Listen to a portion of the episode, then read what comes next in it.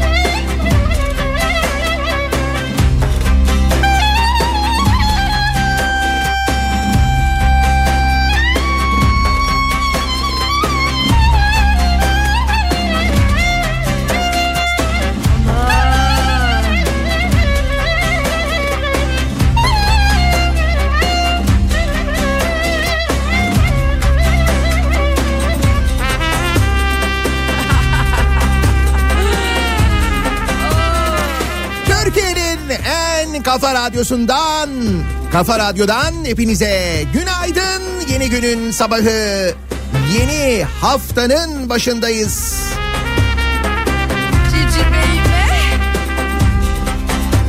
Tarih 26 Şubat, 7 5 dakika geçiyor saat.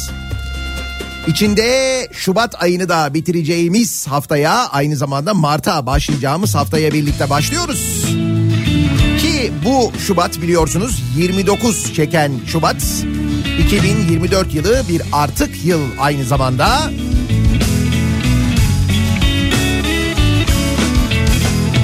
Ve bu hafta seyahat yok. Yani benim adıma önemli olan gelişme bu hafta.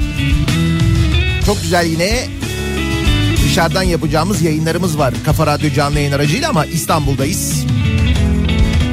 Ben bir taraf Geçen hafta biraz seyahatli geçti de.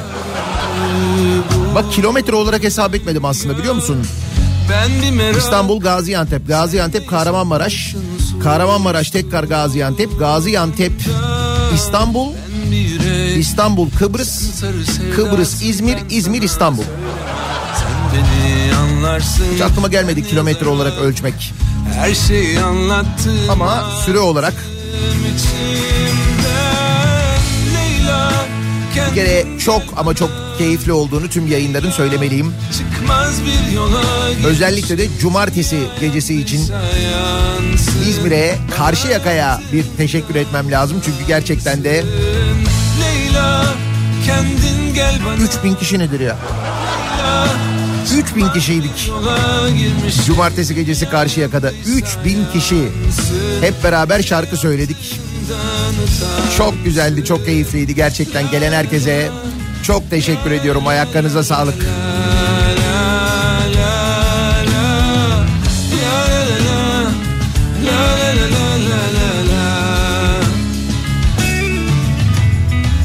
Ben bir şehir, sen mi sokak çıkmaz yollar içinde Ben bir kömür, sen bir duman tütmez yıllar içinde. Ben bir kahır, sen bir roman bitmez yazmadım ben daha o son cümleyi. Ben bir ömür beklerim istersen vazgeçmem senden. Leyla kendin gel bana. Leyla çıkmaz bir yola girmişim. Dünya yandıysa yansın. Bana yaptığından utan. Cuma günü Mart geliyor. Dolayısıyla Marteniçkaları hazırlama zamanı da geliyor. İstanbul'da sabahın erken saatlerinde ağaçların, çiçeklerin bol olduğu yerlerde şu saatlerde çalı bülbülleri ötmeye başladı bilmiyorum duydunuz mu? Ya da kara tavuk sesleri. Bu sesler şu saatlerde hatta böyle biraz daha erken bundan bir saat önceden itibaren falan başlıyor. Yılın o zamanları geldi demek oluyor. Kara tavuklar ötmeye başlayınca, bülbüller ötmeye başlayınca demek ki bahar geliyor. Tabii bu sene bahar bize e, yerel seçimde geliyor. Dolayısıyla seçim atmosferinde bahar pek de hoş bir şey olmuyor. Birazdan anlatacağımız çok konu var gerçekten de konuşacağımız. O yüzden çok da vakit geçirmeden hemen girmek istiyorum. Çünkü bir mevzu var. IQ sıralaması varmış. Ee, toplam 115 ülkenin vatandaşları arasında 1 milyon 691 bin 740 kişi zeka testine dayanılarak hazırlanan raporda Türkiye IQ sıralamasında zeka seviyesi sıralamasında 105 ülke arasında 73. olmuş sevgili dinleyiciler. Ve Türkiye'nin IQ'su son bir yılda bir buçuk puan düşmüş sadece son bir yılda ve 95.63 olmuş. Buna karşılık özellikle de Avrupa ülkelerinde ve Doğu Asya ülkeleri halklarının IQ'larında artış görülmüş. Peki 95.63 neymiş IQ seviyesi olarak? Söyleyeyim ortalamanın altıymış. Bir kişinin ortalama zekası 100 zeka puanı olarak baz alınırken 100'ün üzeri ortalama üstü, 100'ün altı ise ortalamanın altı olarak kabul ediliyor. 70 IQ'nun altı ise zihinsel engel olarak tanımlanıyormuş. Şimdi bu durumda tabii en e, zeki kim diye merak ediyor insan bir yandan. Onu hemen söyleyeyim. 2024 yılında yani 2023 sonuna göre en zeki ülke vatandaşları 107.54 ortalamayla Güney Koreliler olmuş. Güney Kore'yi 106.99 ile Çinliler, onları 106.84 ile İranlılar, 106.18'de Japonlar izliyormuş. Sonra sıralama şöyle gidiyor. Singapur 106.18, Avusturya 102.7, Adana 102.60. Pardon Adana diyorum biraz. Kanada Kanada. Bir de Kanada'yı niyeyse Adana gibi gördüm ben. İşte bunlar hep çok seyahatten oluyor biliyor musun? Almanya 102.36, Slovenya 102.31, Moğolistan'da 102.30. İlk sıralamalar böyle. Yani ilk 10 bu şekilde sıralanıyor. Ee, bu ülkenin zeka ortalamalarında bu ülkelerin e, artışlar da görülmüş. Zekası en çok artanlar Fransızlar, İtalyanlar ve İspanyollar olmuş. Bir tek Japonya'da oran son bir yılda 1.96 gerilemiş ilk 10 içinde. Türkiye'nin büyük kısmı ise orta zekalı veya alt sınıra yakın görünüyormuş. Türkiye adına 42.801 kişi teste katılmışlar. Ve zeka oranı bir yıl önceye göre bir buçuk puan azalmış. Bir sıcak gecenin ortasında Kimler katılmış bizden? 42.801 kişi katılmış diyor mesela. Ona bir bakmak lazım. Sonra bizden katılanlar muhtemelen yine böyle tanıdıklar manıdıklar falandır şey demişlerdir. Ya biz böyle katılıyoruz ama soruları bize verirler falan diye. Demek ki soruları kimse vermediyse. Yoksa soruları önceden alsak biliyorsun mülakattı, IQ testiydi falan hepsini öttürürüz de. Belli ki buradaki sınav baya normal yapılmış. Ondan böyle çıkmış yani. yüreğime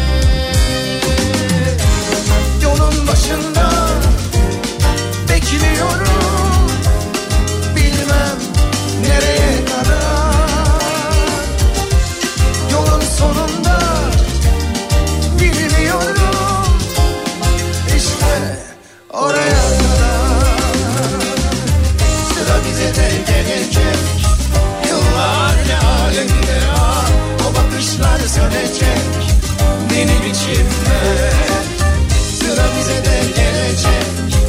Aşklar ne alemde ah Umutlar bitecek Bizim içinde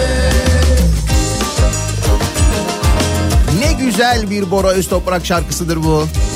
Dün doğarken de birlikte söylemişler yeniden. Ne kadar güzel olmuş. Oydu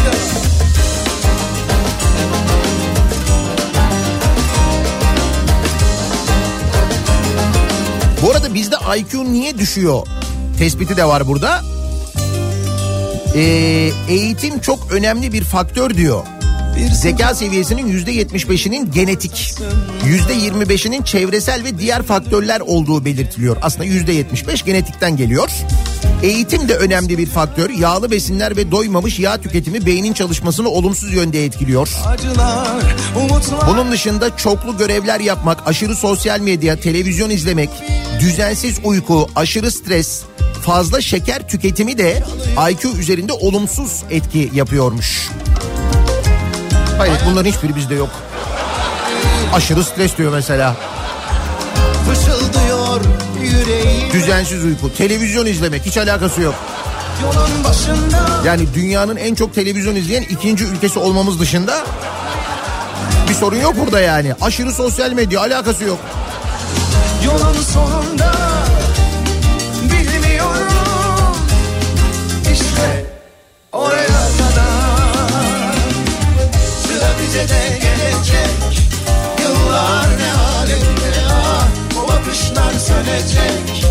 benim içimde İstanbul için önemli bir haber. Bugün İstanbul'da bazı yollar trafiğe kapalı. Hatta şu saat itibariyle kapalı hemen söyleyelim. Sebebi aslında benim çok uzun zamandan beri konuştuğum bir konu. ah İstanbul'da banyo hattının kapatılması Marmaray başlayacak diye Marmaray e, gerekçesiyle hatırlarsanız çok uzun bir zaman önce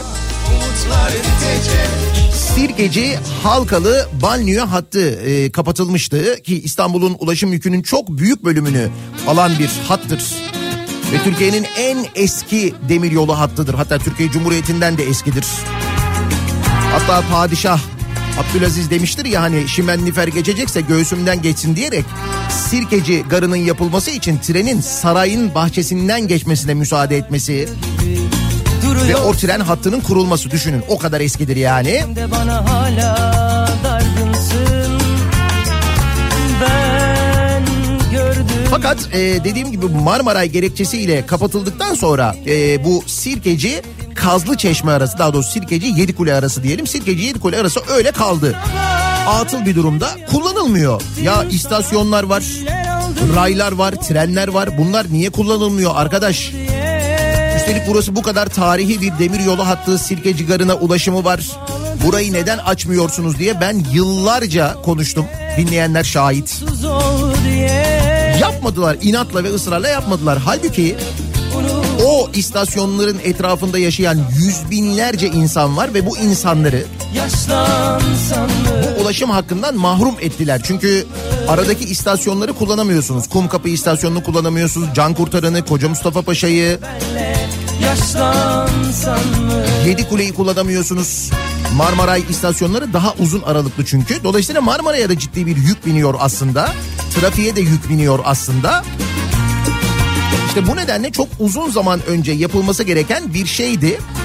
Şimdi bunu yaptılar ve bugün açıyorlar ama bir enteresan yaptılar sevgili dinleyiciler. Şimdi bugün böyle anlatacaklar şöyle yaptık böyle yaptık bilmem ne falan diyecekler de yaya odaklı yeni nesil ulaşım projesi diye bir şey uydurdular. Bak bunu her yerde göreceksiniz. Herkes de böyle ezbere bunu söylüyor. Yaya odaklı yeni ulaşım projesi, yaya odaklı yeni ulaşım projesi falan diye bir şey uyduruldu. Bu ne biliyor musunuz? Şimdi bu tren hattı e, bir gidiş bir geliş hattı. Eskiden kullananlar bilirler. Yani işte Halkalı'dan bindiğinizde Bakırköy'den bininiz. Nereden binerseniz binin. İstasyonun iki tarafından trene binersiniz. Yani bir taraftan Sirkeci'ye gidersiniz bir tarafta Sirkeci'den gelirsiniz. Şimdi bu iki hattın bir tanesini bunlar iptal ettiler. Ve orayı e, yürüyüş yolu yaptılar. Yani Sirkeci'den başlıyor. Bu yürüyüş yolu Yedikule'ye kadar gidiyor. Ne bu? Yaya odaklı.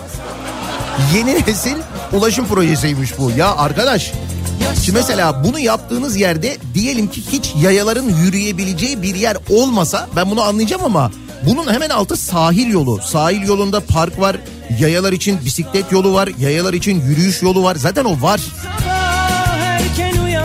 Kaldı ki yayalar ne kadar yürüyorlar bir de bunu düşünmek lazım. Yani o e, coğrafyayı düşünmek lazım. Oradaki hava koşullarını düşünmek lazım. Ha çünkü bunu da ölçmenin kolay bir yolu var. Hemen altı sahil yolu. Mesela oradaki yürüyüş yolları ne kadar kullanılıyordan ölçmek lazım yani bunu. Bunlar bildiğin ta Osmanlı zamanında döşenen tren yolunu söktüler. Bir de ecdat muhabbeti var ya onun için söylüyorum. Onun yerine yaya odaklı yeni nesil ula- ulaşım projesi yaptılar. Bugün bunun açılışı yapılacak. Sirkeci ile Kazlıçeşme arasında tren hattı çalışacak. Yaşlansan mı? Eski banyo trenleri ki onların tarihi özellikleri vardır. Gerçekten de öyledir. Türkiye'nin ilk elektrikli tren dizileridir. Fransa'dan getirilmiştir. Aslında sanayi mirasıdır. Aslında kent mirasıdır. Korunmaları gerekir, restore edilmeleri gerekir. Zaten böyle kısa bir hatta belki nostaljik olarak kullanılmaları gerekir. Onu da geçtik zaten. Onu da yeni nesil ya. O yüzden onu da yapmadılar. Şimdi bugün açılıyor bu e, Sirkeci ve Kazlıçeşme arasındaki tren hattı projesi. Ben bu e, hatla ilgili dediğim gibi çok konuştum. Sonrasında projeyi gördükten sonra da bu konudaki eleştirilerimi hep söyledim. Yine de söylüyorum. Bugün açılıyor yine söylüyorum. Ha kötü bir şey mi açılması bu halde? Hayır değil. En azından en azından çalışmaya başlayacak. Yani yarım çalışsa da yine de çalışmaya başlayacak. Bu açılışla ilgili bir polemik de var. Onu ilerleyen dakikalarda konuşacağız. Akıllara ziyan bir polemik çünkü. Tam böyle yerel seçim öncesi. Ama bugün İstanbulları ilgilendiren şöyle bir konu var. Bu açılış sebebiyle çünkü açılışa AKP Genel Başkanı ve Cumhurbaşkanı Erdoğan da katılıyor aynı zamanda. Dolayısıyla bazı yollar daha şimdiden trafiğe kapatıldı. Haberiniz olsun. Artık yeniden seversin Bir kere devlet demir yollarına ait otoparklara ve Kazlıçeşme Marmaray İspark alanına araç alınmıyor. Dün akşam 8'den beri durum böyle. Hani buralara arabanızı park ediyorsanız diye söylüyorum. Saat 6'dan itibaren program bitimine kadar İETT Kazlıçeşme son durağı da kullanıma kapalı. Sirkeci İstasyon Caddesi saat 7 itibariyle program bitimine kadar kapatıldı. Dolayısıyla Kazlı Çeşme ve Sirkeci civarında bugün bayağı trafikle ilgili sıkıntı olur. O yöne doğru gidiyorsanız kendi aracınızda gidiyorsanız bence bugün gitmeyiniz. Hem park etmekte problem yaşayacaksınız hem de trafikle ilgili sıkıntı yaşanacak haberiniz olsun. Ah yaşamak var ya.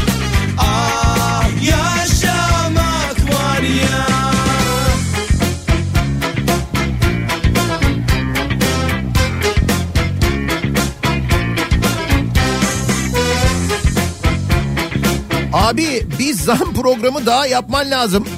Hadi kahvaltıda börek yiyelim dedik. Bir kilo peynirli börek 430 lira. Kaç para? Biz 430. Peynirli börek öyle mi? Şöyle bir fiyat programı yapayım diye niyetlendim. Çünkü önümde var fiyatlar. Böyle bu kadar erken söyleyip çok da ürkütmek istemiyorum yeni güne başlarken de.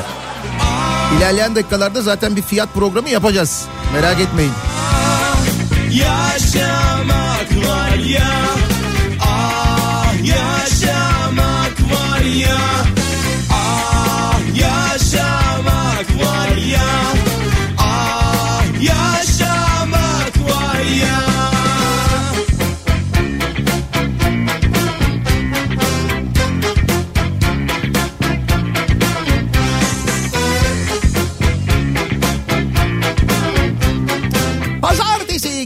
Sabahındayız. Yeni haftaya başlarken nasıl bir sabah trafiğiyle işe gidiyoruz, okula gidiyoruz hemen bir bakalım.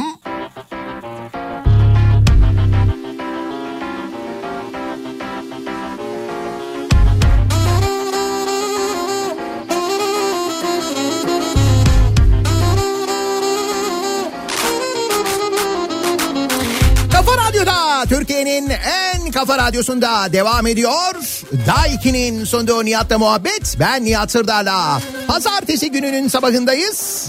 Yedi buçuğu geçti saat. Hava yavaş yavaş aydınlanmaya başladı İstanbul'da. Şafak operasyonu günlerini ufak ufak terk ediyoruz. Memleket huzura kavuşuyor. En azından operasyona gitmiyoruz diye düşünüyoruz yani psikolojik olarak. Çünkü niye ne oluyor? Öteki türlü stres çok fazla üzerimizde birikince bu sefer IQ'muz düşüyor. Demin anlattım ya IQ listesinde gerilemişiz. 110 ülke arasında kaçıncı sıradaydık dur bakayım. Yanlış söylemeyeyim bak onu bile zihnime almak istememişim. 105 ülke arasında 73. olmuşuz IQ'da. Hoş değil. Halbuki ne zeki insanlar var aramızda. Adana'da sahte diş hekimleri yakalandı. Bak adam eğitimini almadan. Şöyle bir zeka var ki çünkü. Adana İl Emniyet Müdürlüğü Kaçakçılık ve Organize Suçlarla Mücadele Şubesi ekipleri Sarıçam'da ruhsatsız olarak faaliyet gösteren özel diş polikliniğine sahte reçete düzenlendiğini tespit ederek baskın yapmış. Adreste yapılan aramada diş tedavisi ve yapımında kullanılan 3469 malzeme, 24 cihaz, bir ruhsatsız tabanca. Diş polikliniğinde. Dişi böyle ikna ediyorlar herhalde. Ağrımayacaksın lan. Vallahi sıkarım ha. Bu da bir tedavi yöntemi. Şak diye geçer mesela korkudan. 45 mermi ele geçirilmiş. Diplomasız diş hekimliği yaptığı tespit edilen iki kişi gözaltına alınmış. Bak zeka desen var.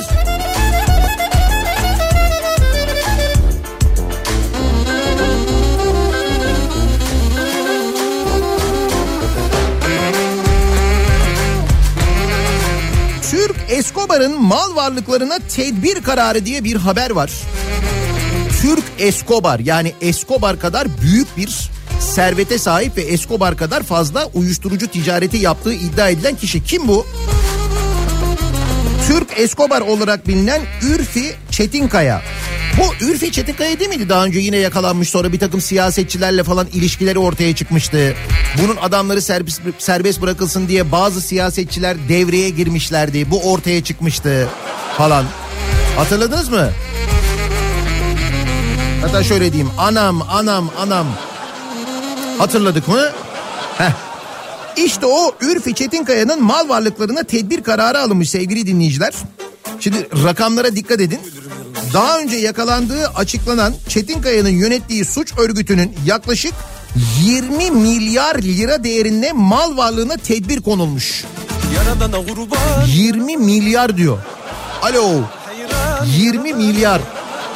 Yaradana kurban yaradana yaradana Operasyonda 147 arsa, 56 konut, 8 apartman, 74 iş yeri, 53 araç, tekne, 53 şirketteki ortaklık payları, 64 banka hesabı, 7 adet kiralık kasa, çok sayıda ziynet eşyası, nakit para, soğuk cüzdan olmak üzere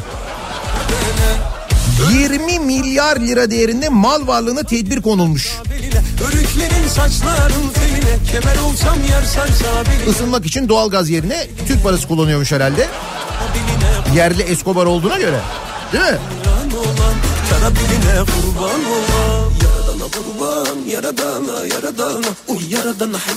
Hiç haberimiz yok neler oluyor. Biz o sırada dizi izliyoruz. Dur dur yeni diziler başladı. Çok şu anda Hayran yaradana yaradana Yaradana kurban yaradana yaradana Yaradana hayran yaradana yaradana Şimdi bizdeki haberlere dalmadan önce Avusturya'dan gelen bir haber var sevgili dinleyiciler. Avusturya'da Viyana Bölge Mahkemesi eski başbakan Sebastian Kurz'u bak eski başbakan bu adam ve yakın zamanda başbakanlık yapmış bir isim Sebastian Kurz. Meclis komisyonunda şahit olarak dinlendiği bir oturumda yanlış beyanda bulunduğu gerekçesiyle 8 ay şartlı hapis cezasına çarptırmış. Yani Avusturya'da siyasetçiler yanlış beyanda bulundukları zaman çarpılıyorlar. Hapis cezasına yani. Çarptırılıyorlar diyelim daha doğrusu. Ve bu başbakan ha. Neydi bu Avusturyalıların e, IQ'su? Onlar bir yerde vardı. Dur bakayım ilk üçteler miydi? Neredeydi?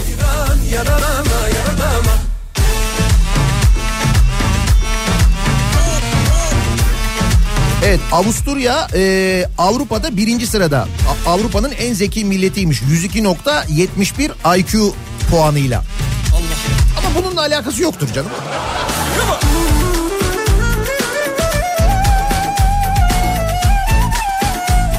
Ne diyor? Eğitim çok önemli diyor. Yüzde 75 IQ'da genetik aslında. Ee, kalan yüzde 25'in içinde eğitimin payı son derece önemli. Eğitim zekayı geliştirme konusunda son derece önemli. Bizde eğitimde ne oluyor? Hemen ona bakalım. Bir ÇEDES diye bir şey yapıyorlar biliyorsunuz.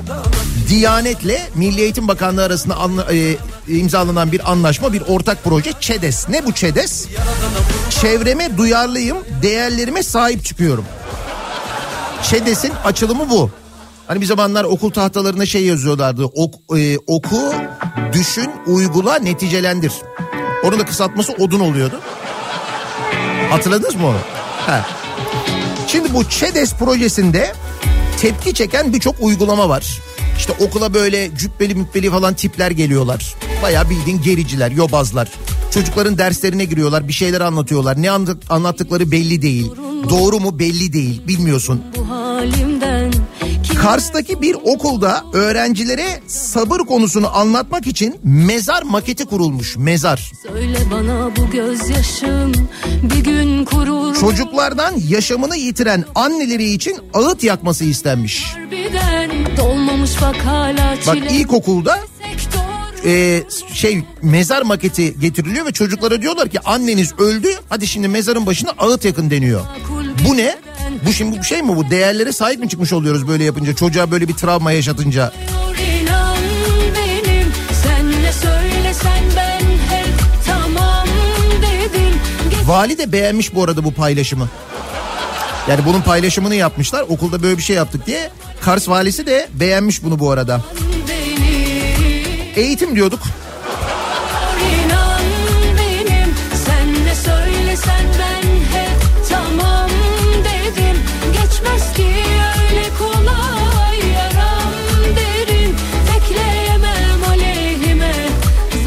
Hafta iki kere konuştuk hatırladınız mı? Demir yolu Devlet Demir Yolları görevde yükselme sınavında sorulan sorularla ilgili konuşmuştuk. Örnekler vardı hatırladınız mı onu? Şimdi bakın daha da detayı çıktı bu konunun. Hafta sonu haberleri var. Devlet Demir Yolları tarafından görevde yükselme sınavı yapıldı. Sınavda dünya ağır siklet boks şampiyonu Amerikalı Mike Tyson'ın Müslüman olduktan sonra hangi ismi kullandığı sorulmuş. Sorun olur mu? Devlet Demir Yolları görevde yükselme sınavında. Tren de bu demek ki bir... Var mı Devlet Demir Yolları ile Mike Tyson'ın bir ilişkisi? Bizim bilmediğimiz zamanında yaptığı bir bağış mı var, bir şey mi var? Tren mi aldı, ne yaptı acaba? desek doğru olur mu? Doğru. 1990 yılında Müslüman olan Tyson Malik Abdülaziz adını almış. Soruyu bilemeyen ve muhalif Bileşik Taşımacılık Sendikası üyesi olan 70 çalışan elenmiş sevgili dinleyiciler. Benim sen Aynı sınavda penisilini kim buldu sorusu da yöneltilmiş. dedim. Sınavdaki bir başka soruda Torricelli kanunu nedir olmuş? Bekle Bir kaptaki sıvının çıkış hızının sıvı yüksekliğiyle ilişkisini açıklayan akışkanlar dinamiği olarak açıklanıyormuş bu sistem. Ve bunu e, malum sendikaya yani iktidara yakın sendikaya üye olan devlet demir yolları çalışanları bilmişler bu soruları. Öyle mi? Ama sorular önceden kesin verilmemiştir. Bilgiyle, kültürle, birikimle mutlaka tabii.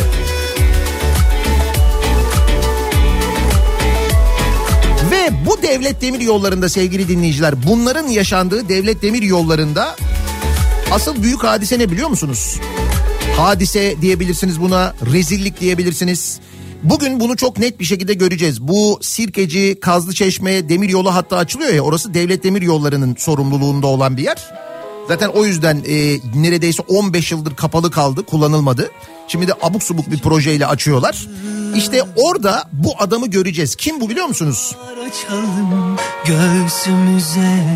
Her Cumhurbaşkanı Erdoğan Devlet Demiryolları Genel Müdürlüğü ve Yönetim Kurulu Başkanlığı'na Veysi Kurt'u getirmiş. Cumhurbaşkanlığı kararnamesiyle geçtiğimiz hafta sonu. Veysi Kurt kim biliyor musunuz? Kurt 8 Temmuz 2018'de 25 yurttaşın yaşamını yitirdiği Çorlu'daki tren kazası yaşandığında Devlet Demiryolları Taşımacılık AŞ'nin müdürüymüş. Ve kazadaki ihmallerden sorumlu tutulmuş. Faciadan 14 ay sonra görevden alınmış ve şimdi Devlet Demiryolları Genel Müdürlüğü'ne getiriliyor sevgili dinleyiciler. Yani yargılanması gereken, mahkum olması gereken, bir daha Devlet Demiryolları'nın kapısından içeri girmemesi gereken bir isim bugün Devlet Demiryolları Genel Müdürü oluyor. Ki kendisinin döneminde sadece bu kaza da değil, onu da söyleyeyim ben size. Bak 2019 yılında görevden alınmadan önce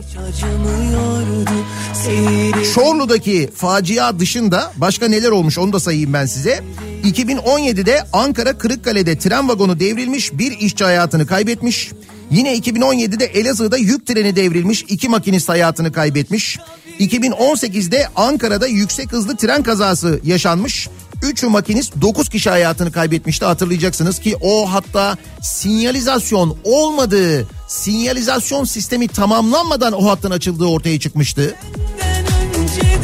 Ve yine 2019'da Bilecik'te iki makinistin yaşamını yitirdiği yüksek hızlı tren kazası yaşanmıştı. Bütün bu kazaların yaşadığı dönemde Devlet Demiryolları Taşımacılık AŞ'nin genel müdürü olan arkadaş pek liyakatli olduğu için Devlet Demiryolları Genel Müdürü yapıldı.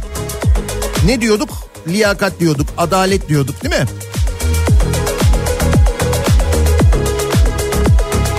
Ve geliyoruz yerel seçimler gündemine. Seçimler yaklaştıkça ortalık daha da ısınıyor. Açıklamalar birbiri ardına gelmeye devam ediyor ve bakın ne kadar enteresan açıklamalar yapılıyor. Şimdi eee, mesela AKP'nin Mersin Akdeniz Belediye Başkan adayı Mustafa Gültak pazar ziyaretine çıkıyor. Şimdi bu pazar ziyaretlerinde esnaf ziyaretlerinde eee, halk tepki gösteriyor. Bu tepkileri tabii siz havuz medyasında göremiyorsunuz. Oralarda elbette yayınlanmıyor. Hatta oralarda hiçbir şey yayınlanmıyor. Birazdan söyleyeceğim TRT'nin ne durumda olduğunu zaten. En yaygın yayın teşkilatı TRT'ye ait ya o yüzden söylüyorum. Bulurum seni bana gelmesen de İşte bu e, pazar ziyaretinde esnafın tepkisiyle karşılaşmış. Mersin Akdeniz Belediye Başkan adayı Mustafa Gültak ekonomik krizden yakınan esnafa bura çamurlu eteklerinizi sıyıra sıyıra yürüdüğünüz günleri unutmayın. Burası çamurdu çamur mübarek adamlar size huzur getirdim barış getirdim demiş esnafa. Esnafsa huzur barış var mı nerede ekmek 10 lira oldu demiş. Gültak ilerlerken beraberindekiler esnafı uyarmış ve bana bak buraya bir belediye başkanı gelmiş adabıyla konuşman lazım demiş. Tabii canım. Ekmek 10 lira oldu denir mi? Adabıyla konuşmak lazım. Ne desek? Nasıl anlatsak derdimizi acaba? Yapamam Ankara'ya geçiyoruz. Ankara Büyükşehir Belediye Başkan adayı aynı zamanda Keçiören Belediye Başkanı Turgut Altınok. işte Keçiören'de yalnızca 11 aileye et yardımı yapmış.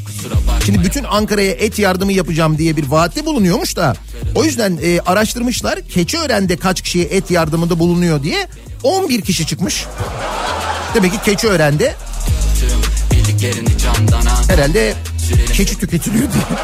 Kimsenin böyle bir et ihtiyacı yokmuş. Herkes et alabiliyormuş. Sadece 11 kişiye et yardımında bulunulmuş. Yalnız orada bir şey var. Bu kırmızı et alımı hep aynı şirketten yapılmış. Herkes İhalelerde kırmızı et alım ihalesini hep aynı kişi kazanmış. üzgünüm sevgilim Mutlu olmalı Ve böyle açık ihalede yapılmamış. Pazarlık usulüyle olmuş ihale. dilerim Affet beni sevgilim Ha Ankara demişken Ankara ile ilgili bir bilgi daha var. Atatürk Orman Çiftliği ile alakalı bir durum var sevgili dinleyiciler. Bakın çok ilginç. Atatürk Orman Çiftliği'nin 3 dönümlük arazisi Adıyaman Samat Belediyesi'ne kiralanmış. Adıyaman Samat Belediyesi'ne Atatürk Orman Çiftliği'nin Ankara'da 3 dönüm arazisi kiralanmış. Sebep? Öğrenelim. CHP Ankara Milletvekili Umut Akdoğan Atatürk Orman Çiftliği'ndeki 3 dönümlük arazinin sosyal tesis olarak kullanılmak üzere 6500 liraya 6500 TL'ye Adıyaman Samsat Belediyesi'ne kiralanmasına ha, Samsat diyor burada yukarıda Samat diye yazıyordu. Evet Samsat'mış doğrusu tamam. Samsat Belediyesi'ne kiralanmasına tepki göstermiş. Kiralanan arazinin önünde basın açıklaması yapmış. Adıyaman'dan Ankara'ya ulaşımın 10 saat sürdüğünü vurgulayarak herhangi bir Adıyamanlı'nın buradan haberi var mı? Türkiye'nin birçok yerinde olduğu gibi burası da bir tarikata peşkeş çekiliyor. Burası Cumhurbaşkanlığına 5 dakikalık mesafede Tarım Bakanı'nın ve Cumhurbaşkanı'nın gözünün önünde Atatürk Orman Çiftliği Genel Müdürü Atatürk Orman Çiftliği'ni soyuyor ifadesini kullanmış. Onunla görüşmek benim için bir tabu AKP'li Samsat Belediyesi'nin içinde 200 metrekaralık bir villada bulunan 3 dönümlük araziyi 6500 liraya kiraladığını söylemiş. Bu arada Ankara Büyükşehir Belediyesi Atatürk Orman Çiftliği'nden iki halı sahayı 135 bin liraya kiralamış. Ama Samsat Belediyesi 6500 liraya kiralamış burayı. Şaşkına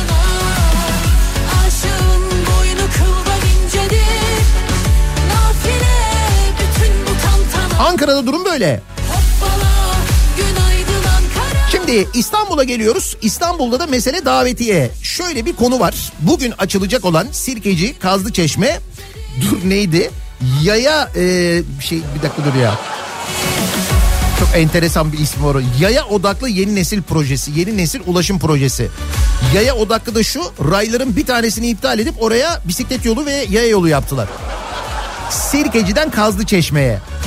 Özellikle sabah yürüyüşü yapanlar sabah erken bir yürüsünler o e, o mesafeyi de ben bir bir görelim bakalım nasıl oluyormuş. Neyse. Şimdi bu konuyla alakalı İstanbul Büyükşehir Belediye Başkanı İmamoğlu diyor ki ilk kez Sirkeci Kazlıçeşme raylı sistemler açılışına Ulaştırma Bakanı tarafından davet edildim diyor. Şimdi normalde AKP'liler yaptıkları açılışlara işte mesela Ulaştırma Bakanı'nın açtığı o U yazan mesela e, metrolara falan çağırmıyorlar açılışlara biliyorsunuz. Adam İstanbul Belediye Başkanı İstanbul'un seçilmiş hem de iki kere seçilmiş yani bir seçimde ama iki kere seçilmiş belediye başkanı olmasına rağmen İstanbul'un belediye başkanını İstanbul'daki büyük bir tesisin ya da bir ulaşım projesinin açılışına çağırmıyorlar. Fakat bu sefer ne olmuş bir davetiye gitmiş Ekrem İmamoğlu'na. Hatta İmamoğlu bu davetiyeyi de gösterdi. Davetiyeyi gönderen de Fatih Belediye Başkanı. Tamam mı?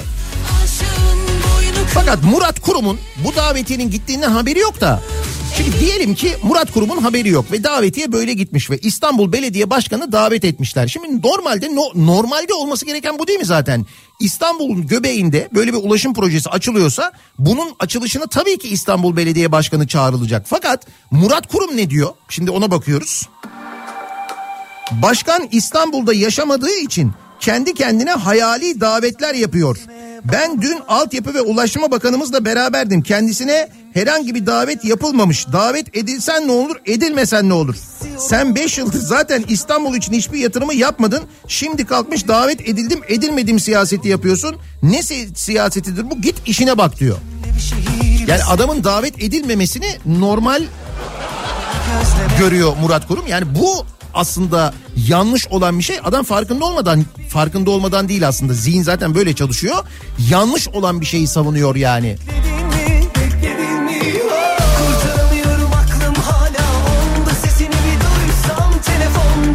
Tansu Çiller ne diyor acaba bu duruma? Onun da mutlaka bir fikri vardır. Bu arada Tansu Çiller'in neden Murat Kurum'u desteklediğini de öğrendik biliyorsunuz. Meğer kendisinin eee, Şile'de bu Kısırka Kilyos'ta pardon Kısırkaya plajı tarafında bir e, arazi varmış. O araziye Çevre ve Şehircilik Bakanlığı imar izni vermiş. Şimdi anladık mı? Ya bu imarın iptali için İstanbul Büyükşehir Belediyesi de dava açmış bu arada. İmamoğlu yönetimi dava açmış. E tabii ki doğal olarak Tansu Çiller de gitmiş. Zaten Tansu Çiller'in olduğu yerde sizce bir şey olmaması Ne demek özlemek deneyimledin mi? Bildiğim mi zor bilmediğim mi? seçim gündemi konuşulurken o ona bir şey söylerken öteki ona çemkirirken falan bütün bunlar olurken o sırada bizim yaşadığımız hayatta neler oluyor? Bizde fiyatlar durdurulamıyor. Tabii bu konu konuşulmuyor. Havuz medyasında zaten hiç yok. Bizim paramızla yayın yapan TRT'de durum daha da vahim. Bakın durum o kadar vahim ki şöyle. TRT AKP'nin Ankara, İzmir ve İstanbul belediye başkan adaylarını iki günde 1 saat 13 dakika ekrana taşımış.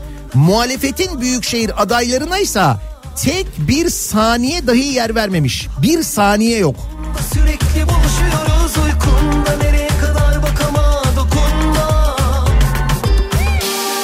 TRT Yönetim Kurulu Hilal Kaplan falan. Arkadaş hiçbir verdiğim vergiye şu TRT'ye verdiğim para kadar acımıyorum gerçekten yani gerçekten acımıyorum. O kadar gücüme gidiyor ki şu TRT'ye verdiğimiz para o kadar gücüme gidiyor ki. Neyse dediğim gibi şunlar yok TRT'de sevgili dinleyiciler. Adana'da zincir marketlerde kasap sucuğunun fiyatı markasına göre 1000 liraya ulaşmış. Şey Sucuk 1000 lira. Ne demek özlemek deneyimle Daha fenasını söyleyeyim size. Marulun tanesi 50 lira olmuş markette 50 marul. Sen de buralarda hiç bekledin mi? Bekledin mi? Marulun adedi İstanbul'un Anadolu yakasındaki bir pazarda 2020 Aralık'ta 4 liraya bak 2020'de 2022 Aralık'ta 12 liraya 2023 Aralık'ta 30 liraya satılıyormuş.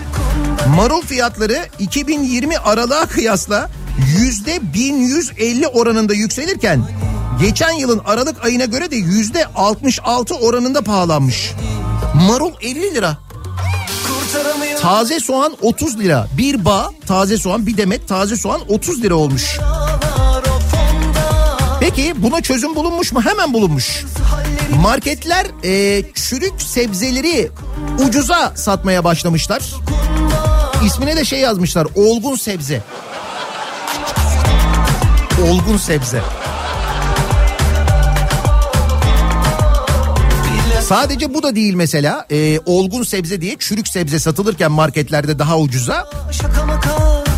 Bakın mesela lokantalarda da şöyle bir e, çözüm bulunmuş. E, restoranlar da ürün gramajını azaltıp eko menüler yaratmışlar. Bir restoranda patlıcan kebabının porsiyonu iki şişten tek şişe düşürülmüş fiyatı daha uygun olmuş. Eko çorba var. Eko çorba. Az çorba işte. Bildiğin hani eskiden böyle şey diye hani çok yemeyelim tokuz ziyan olmasın o kadarını yiyemem diye az çorba söylerdik ya. Şimdi fiyattan dolayı eko çorba yiyoruz. Fiyatın fiyatların durumu bu çünkü yani. İşte nedenle biz de bu akşam fiyatları bu sabah özür dilerim. Fiyatları konuşalım istiyoruz. Fiyatların durumunun ne olduğunu konuşalım istiyoruz. Çünkü bunu konuşan yok. Kurtaramıyorum aklım hala Onda sesini bir duysam Telefonda kemanlar ağlar Sosyal medya üzerinden yazabilirsiniz. Twitter'da konu başlığımız bu. Fiyatların durumu. Nedir fiyatların durumu acaba? Gördüğünüz ve şaşırdığınız bir fiyat var mı son günlerde? X üzerinden Twitter üzerinden yazıp gönderebilirsiniz mesajlarınızı. WhatsApp hattımız 0532 172 52 32 0532 172 kafa. Buradan da yazabilirsiniz. Reklamlardan sonra yeniden buradayız. Geliyor.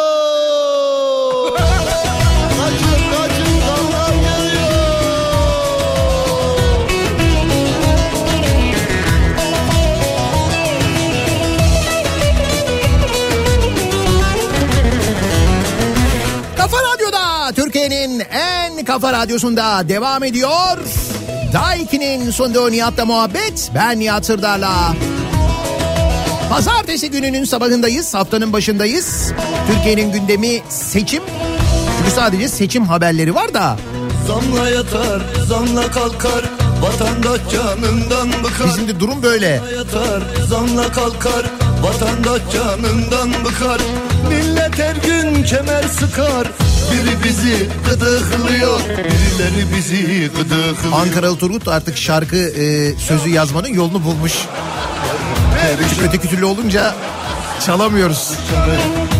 Fiyatların durumu bu sabahın konusu. Son zamanlarda gördüğünüz, gördüğünüzde şaşırdığınız bir fiyat var mı diye soruyoruz. Marul 50 lira olmuş 50. Bunlar Birileri bizi. Gıdı. Dün 5 tane orta boy patatese 50 lira verdim. Patates bey diyeceksiniz artık.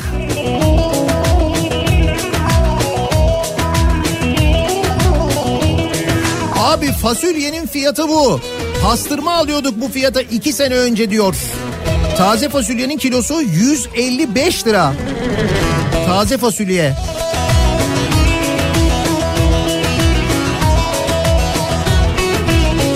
Fırında bayat ekmeği dinlenmiş ekmek diye satıyorlar. Mersin'de. Katık oldu Dinlenmiş ekmek mi? pişman yeni doğan O dinlenmiş et olmuyor muydu ya? Ette oluyordu. Ekmekte de mi oluyormuş dinlenmiş? Kaçıp gider bizi soyan. Biri bizi gıdıklıyor. Birileri bizi gıdıklıyor. Emeklisi çalışanı oynuyorlar perişanı. Emeklisi çalışanı oynuyorlar Fiyatların durumu yumruk kadar iceberg 35 lira Ankara'da. Yok mu bunu? Bu arada Tansu Çiller'in mal varlığı annesinin bohçasından gelmişti diye biliyoruz. Tabii öyle açıklamıştı kendisi mal varlığını zamanında evet. Gıdı gıdı gıdı gıdı gıdıklıyor. Birileri.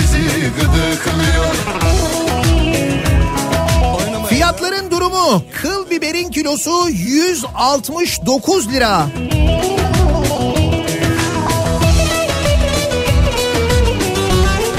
Çatalca pazarında bir kıvırcık 40 lira.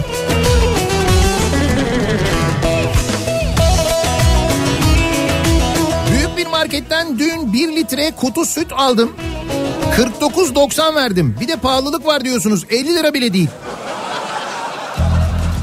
E tabi 50 değilse eğer o zaman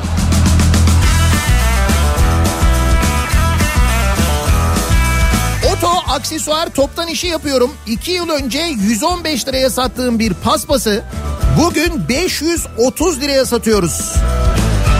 Aradaki farkı fark hangi enflasyona giriyor diye soruyor İzmir'den Gürol. Sıradaki şarkımız Kutup Ayısı. para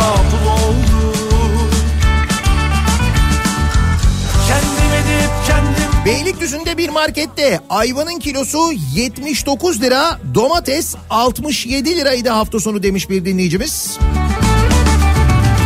kim kime dumduma geçiyor hayat. Beylikdüzü pazarından dün bir demet roka, avuç içi göbeğe 70 lira verdim.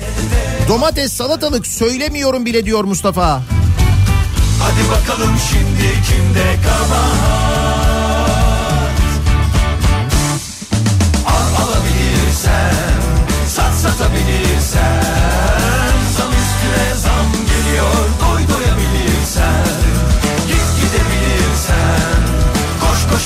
Koşabilirsen. Kutup ayısı peşimizde, kaç kaçabilirsen. 2021 Aralık ayında 19 liraya yediğimiz tabldot yemeği şu anda 156 liraya yiyoruz.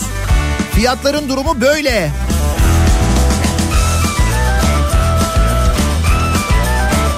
Bir demet dereotu 30 lira. Pardon 29.90 diyor Zeynep. Tamam 30 lira bile değil.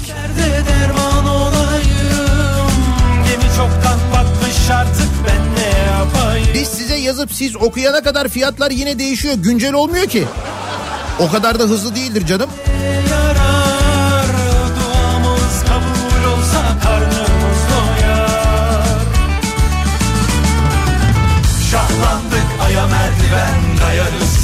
Bursa'da bir porsiyon İskender 500 lira olmuş. Bak seyahate gidecek olanlar için de bu arada yöresel yemeklerle ve ürünlerle ilgili de fiyat belirliyoruz en azından öğreniyoruz. Al alabilirsen Sat satabilirsen Zam üstüne zam geliyor Doy doyabilirsen Git gidebilirsen Koş koşabilirsen Bu sabah aldığım tereyağlı simidin fiyatı Ankara'dan 26 lira 50 kuruş. Tereyağlı simit. Geçen hafta Akbatı AVM'de kızımla 2 külah dondurmaya 480 lira verdim. Kızımın arkadaşına rastladık. Fiyattan haberim olmadan önce sordum. Kızım sen de yer misin diye.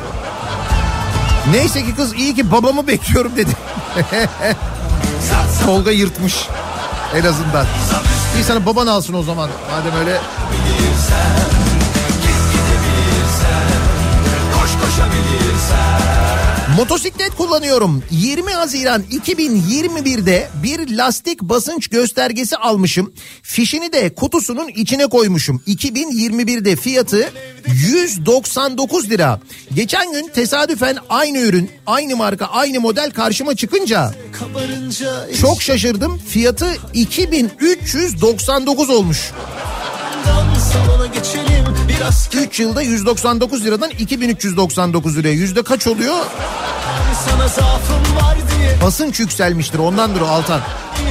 Fiyat değil basınç yükselmesi bu.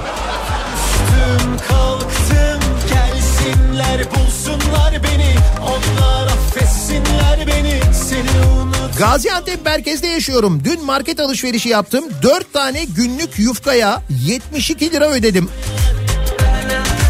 En çok buna şaşırdım. Hatta reyon görevlisine fiyatı çok yüksek değil mi dedim. Abla şimdi pahalı diyorsun ama seçimden sonra bu fiyatları çok ararsın dedi. Gaziantep'te fiyatların durumu bu. Bekle bekle Neyi boydan atsam bari Soldu yüzüm günden mu yani sana zaafım var diye Beni yerden yere vurman niye Mersin'de ekmek 9 lira, etin kilosu 500 lira oldu. 5 litrelik zeytinyağı 2000 lira diyor Koray.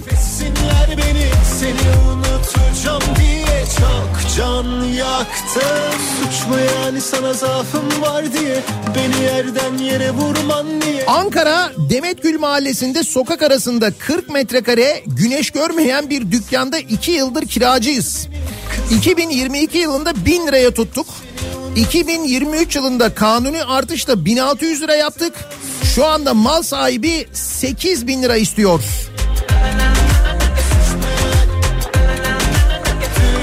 Tabii canım her şeyin fiyatını konuşuyoruz. Sadece sebze meyve değil.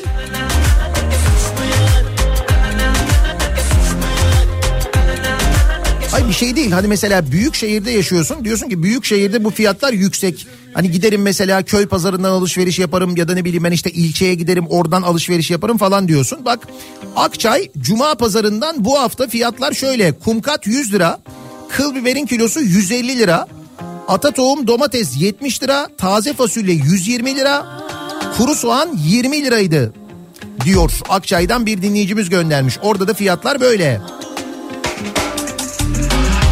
Geri araman biraz uzun sürdü Ne oldu hayat seni de mi üzdü Herkes gitti yere döndü O malum ayın 14'ü Ne çiçek ister canım ne pasta Ben sana zaten Fiyatların durumu fena. Bağcılar'da 100 gram dürüm döner yedim.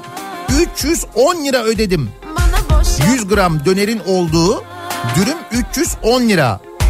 bana boş yapma Yine hayallere dalıp dalıp dalıp dalıp gideceğim Sana çok özledim Ayvanın kilosu 68 liraymış. Fast food zincirlerinde bir hamburger menü 300 lira olmuş. Eskiden iki menüyü 8.75'e alıyorduk. Hay işin kötü tarafı bu fiyatları hatırlıyoruz biliyor musun? Yani böyle zamanları hatırlıyoruz hani çok uzun zaman da geçmiş değil üzerinden yani. Bana boş yapma Kırmızı kapya biber dün 89 liraydı diye yazmış bir dinleyicimiz. Döndü O malum ayın 14'ü Ne çiçek ister canım ne Okul kantininde tost 50 lira. Ha bu arada kantin fiyatları da geliyor çocuklardan. Ankara Ulus'ta halde hamsi 70 lira.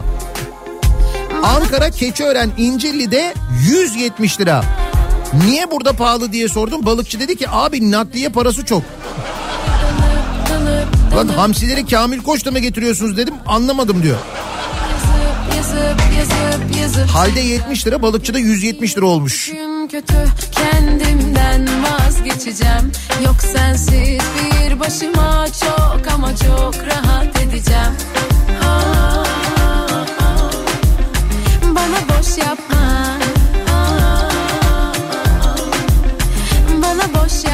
zamlarla çiftçinin ekeceği domatesin alım fiyatı 3 lira 70 kuruş abi. Allah çiftçiye yardım etsin diyor dinleyicimiz.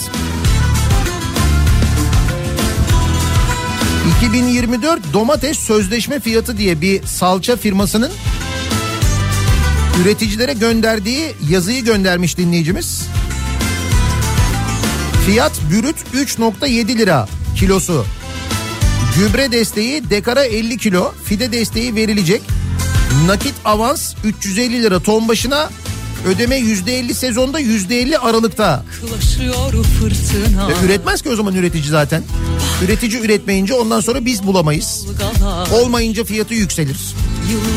Eskisi gibi böyle bir paramız var ki ithal ediyoruz diyen bakanımız da yok. Nasıl olacak? söylüyor çocuklar Yıllardan sonra yollardan sonra Nihat'cığım tam fiyatları konuşmaya başladın dolar fırladı. Benimle ne alakası var ya?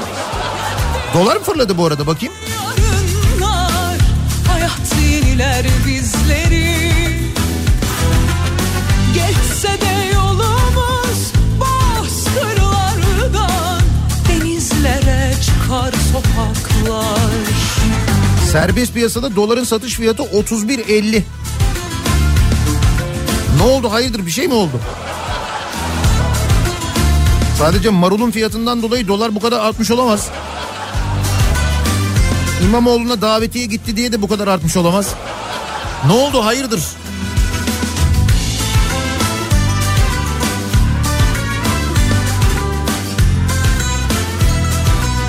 ...2021'in sonunda 5200 liraya aldığım buzdolabı...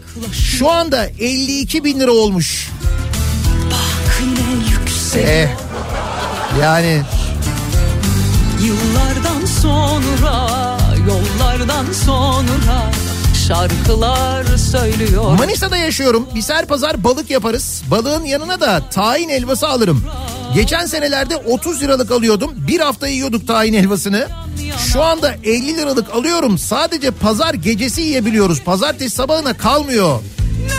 Yarınlar hayat yeniler bizleri Geçse de yolumuz Cağaloğlu'nda ambalaj işi yapıyoruz. Hani bu balonlu pat pat naylon topu var ya. İşte bunun topunu 3 sene önce 175 liraya satardık. Şimdi 1000 liranın üzerinde geziyor. Patlatmaya kıyamazsınız.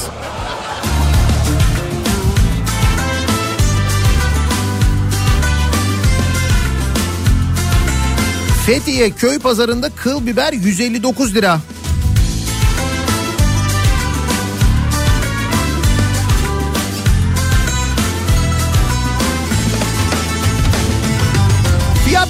Durumunu konuşuyoruz bu sabah sevgili dinleyiciler. Herkes seçim konuşuyor ama fiyatlar aldı başını gidiyor. Tabi bu fiyatların yükselmesi haberleri de genelde bir yerde yer bulmuyor ama bakınız fiyatların geldiği nokta bu. Sizin şaşırdığınız bir fiyat var mı bugünlerde diye soruyoruz. Reklamlardan sonra yeniden buradayız.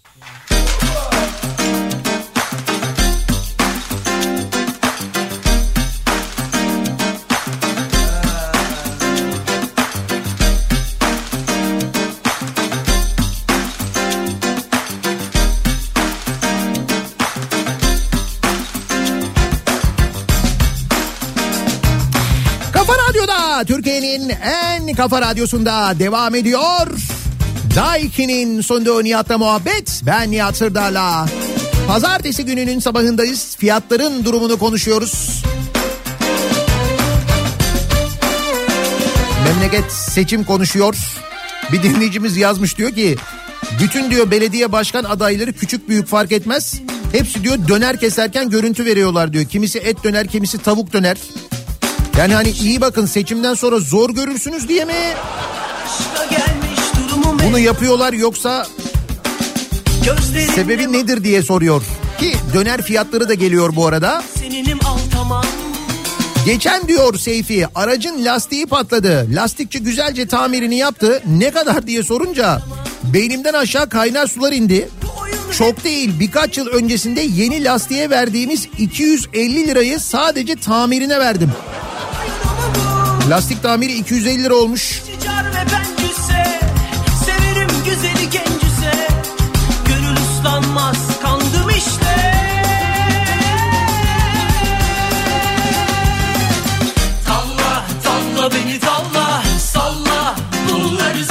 Dün kızla damat aniden habersiz çıkıp geldi. Evde yemek yok. Dışarıdan söyledik. 3 porsiyon kanat, 3 lahmacun 915 lira.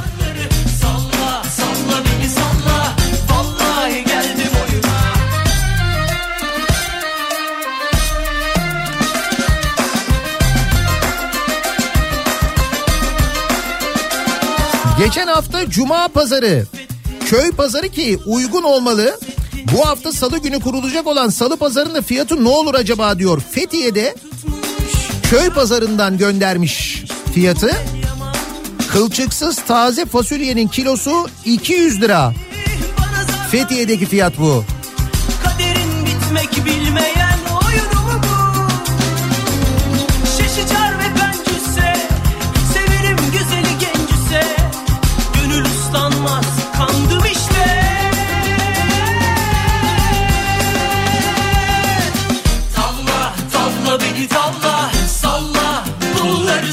Fiyatların durumu, fiyatların hepsi uçmuş. Cumartesi günü 3 kurşun kaleme kırtasiyede 150 lira verdim. Konya'dan yazıyorum 2 kilo patatese 70 lira verdim. Ayrıca seçimden sonra zam olacak diye kendimizi o kadar çok şartladık ki olmayacaksa da yapacaklar bence artık. Yok yok onu ekonomistler de söylüyorlar. Hatta e, fikrine görüşüne çok güvendiğim böyle ekonomiden anlayan benim de böyle dostlarım var.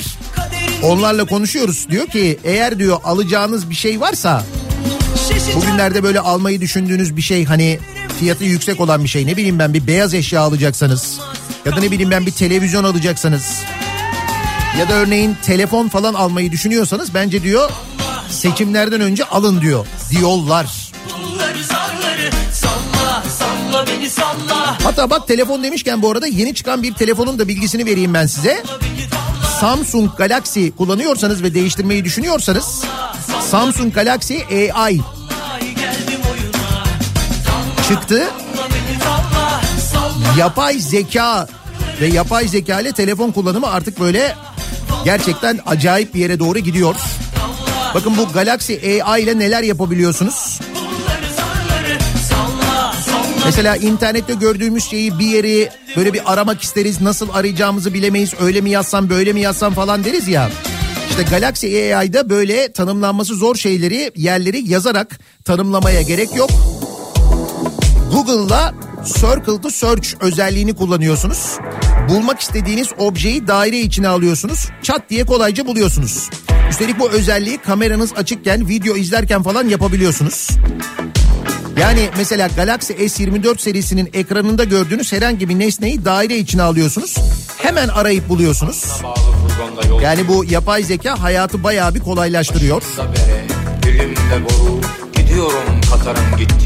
Doğru. Nightography Zoom diye bir özelliği var. Bunun sayesinde gece fotoğraf veya video çekerken zoom yaptığınızda detayları kaybetmiyorsunuz.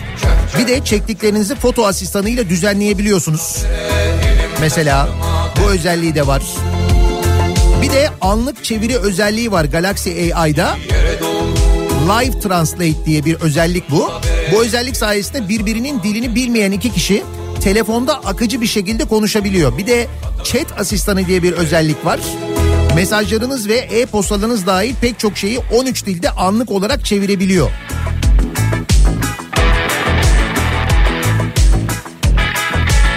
Samsung.com.tr adresinden bu arada detaylarını görebilirsiniz ama dediğim gibi Bir durak yeri. aldık aldık. Bu aralar durum öyle yani. Fakat ben acelem ne bilmem sarılınca elimdeki boruya üflüyor. Mersin'de toplu taşıma fiyatları bunlar. Zam geldi diyor.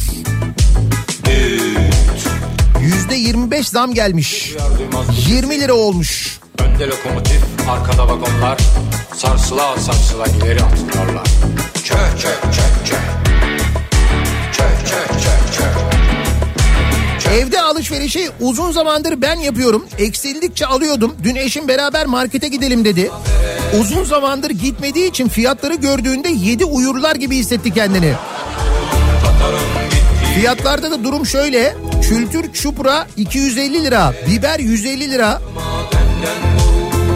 Karnabahar 40 lira, pırasa 35 lira diyor Volkan.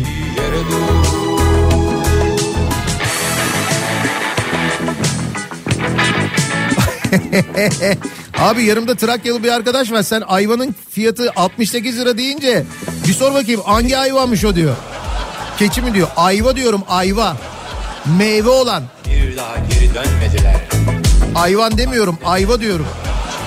Ben boruya üflüyorum gene ben. Düt. Ve düt. Ve Katar hızlanıyor yeniden. Çö çö çö çö. Çö çö. Nihat'cığım Hollanda'dan fiyat bildireyim. Geçen sene Ocak ayında 17 bin euroya aldığım Crossland 2020 model arabam şimdi 14 bin euro. Hollanda'da durum bu. Hollanda bitmiş. Bitmiş. Almanya gibi olmuşlar yani. Başımda bere, elimde sarıma benden vur. Gidiyorum Katar'ın gittiği yere doğru. Mudanya'da 1 kilo mezgit 200 lira. 1 kilo hamsi yine 200 lira.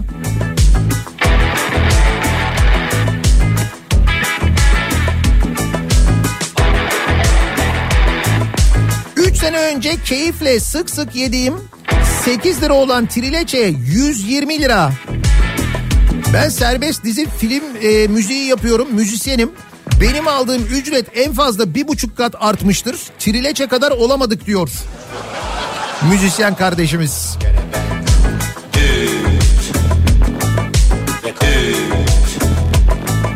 Ve Katar hızlanıyor yeniden. Çö çö çö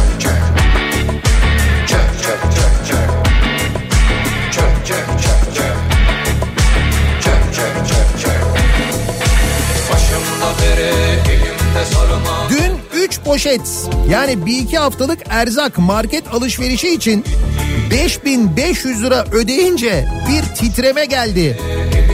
Ama titrememin sebebi bu sabah Uludağ kayağa gidecek olmamız. Orada başımıza neler gelecek acaba? Yani Uludağ'daki fiyatları geçenlerde görmüştük. Pek iyi şeyler gelmeyecek onu söyleyeyim size.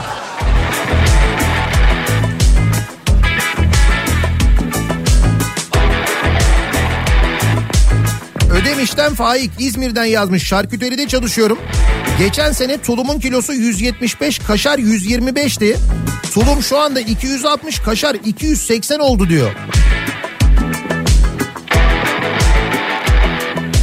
Vallahi öyle. Biz böyle seçimdi, adaydı, oydu, buydu falan diye konuşuyoruz ama fiyatların durumu da böyle işte.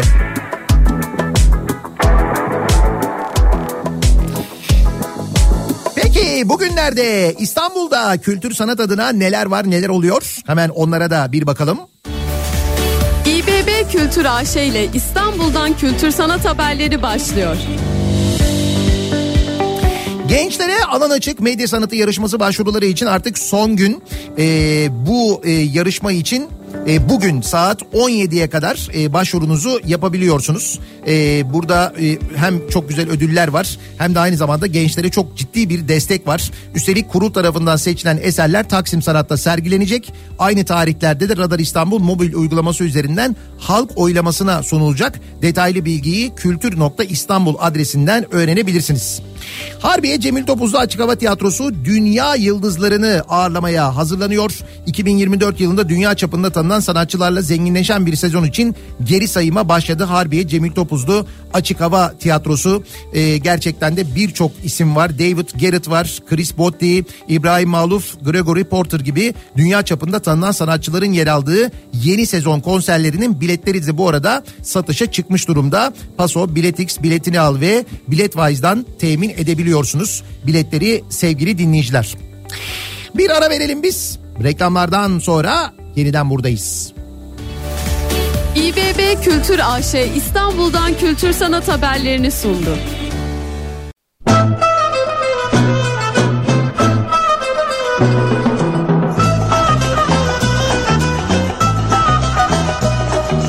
Hey gidi koca dünya gam yükümüzü Söyle söyle fani dünya dert gübümüzü Dünya handır han içinde Yaşar o ruh can içinde. Rüya gibi gelir geçer insanoğlu gam içinde. Dertli ağlar dertsiz ağlar dünya içinde. Dertli ağlar dertsiz ağlar dünya içinde.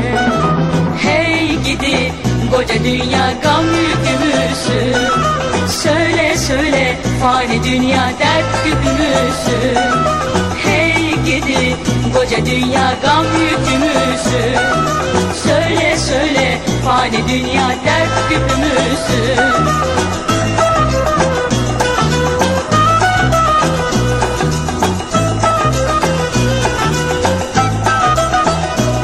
Radyo'da Türkiye'nin en kafa radyosunda geliyoruz. Bir Nihat'la muhabbetin daha sonuna yeni bir haftaya başlıyoruz. E, meteorolojik olarak ılık geçecek bir hafta olduğunu söylüyor. Tahminler onu gösteriyor. Ancak fiyatlar açısından pek de öyle olacakmış gibi görünmüyor. E, dövizdeki bu yükselme de bugün sabahki e, bir yandan aynı zamanda zaten fiyatların durumunu konuşuyoruz. Hatta fiyatların durumu başlığıyla yazılanları Twitter'dan da takip edebilirsiniz. Memleketin dört bir yanından fiyatlar konusunda biraz fikriniz de olur aynı zamanda.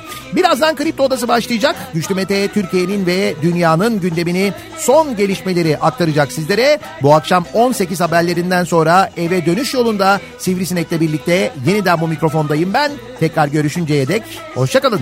Fani dünya dert güdümüzün Hey gidi koca dünya gam yükümüzün Söyle söyle fani dünya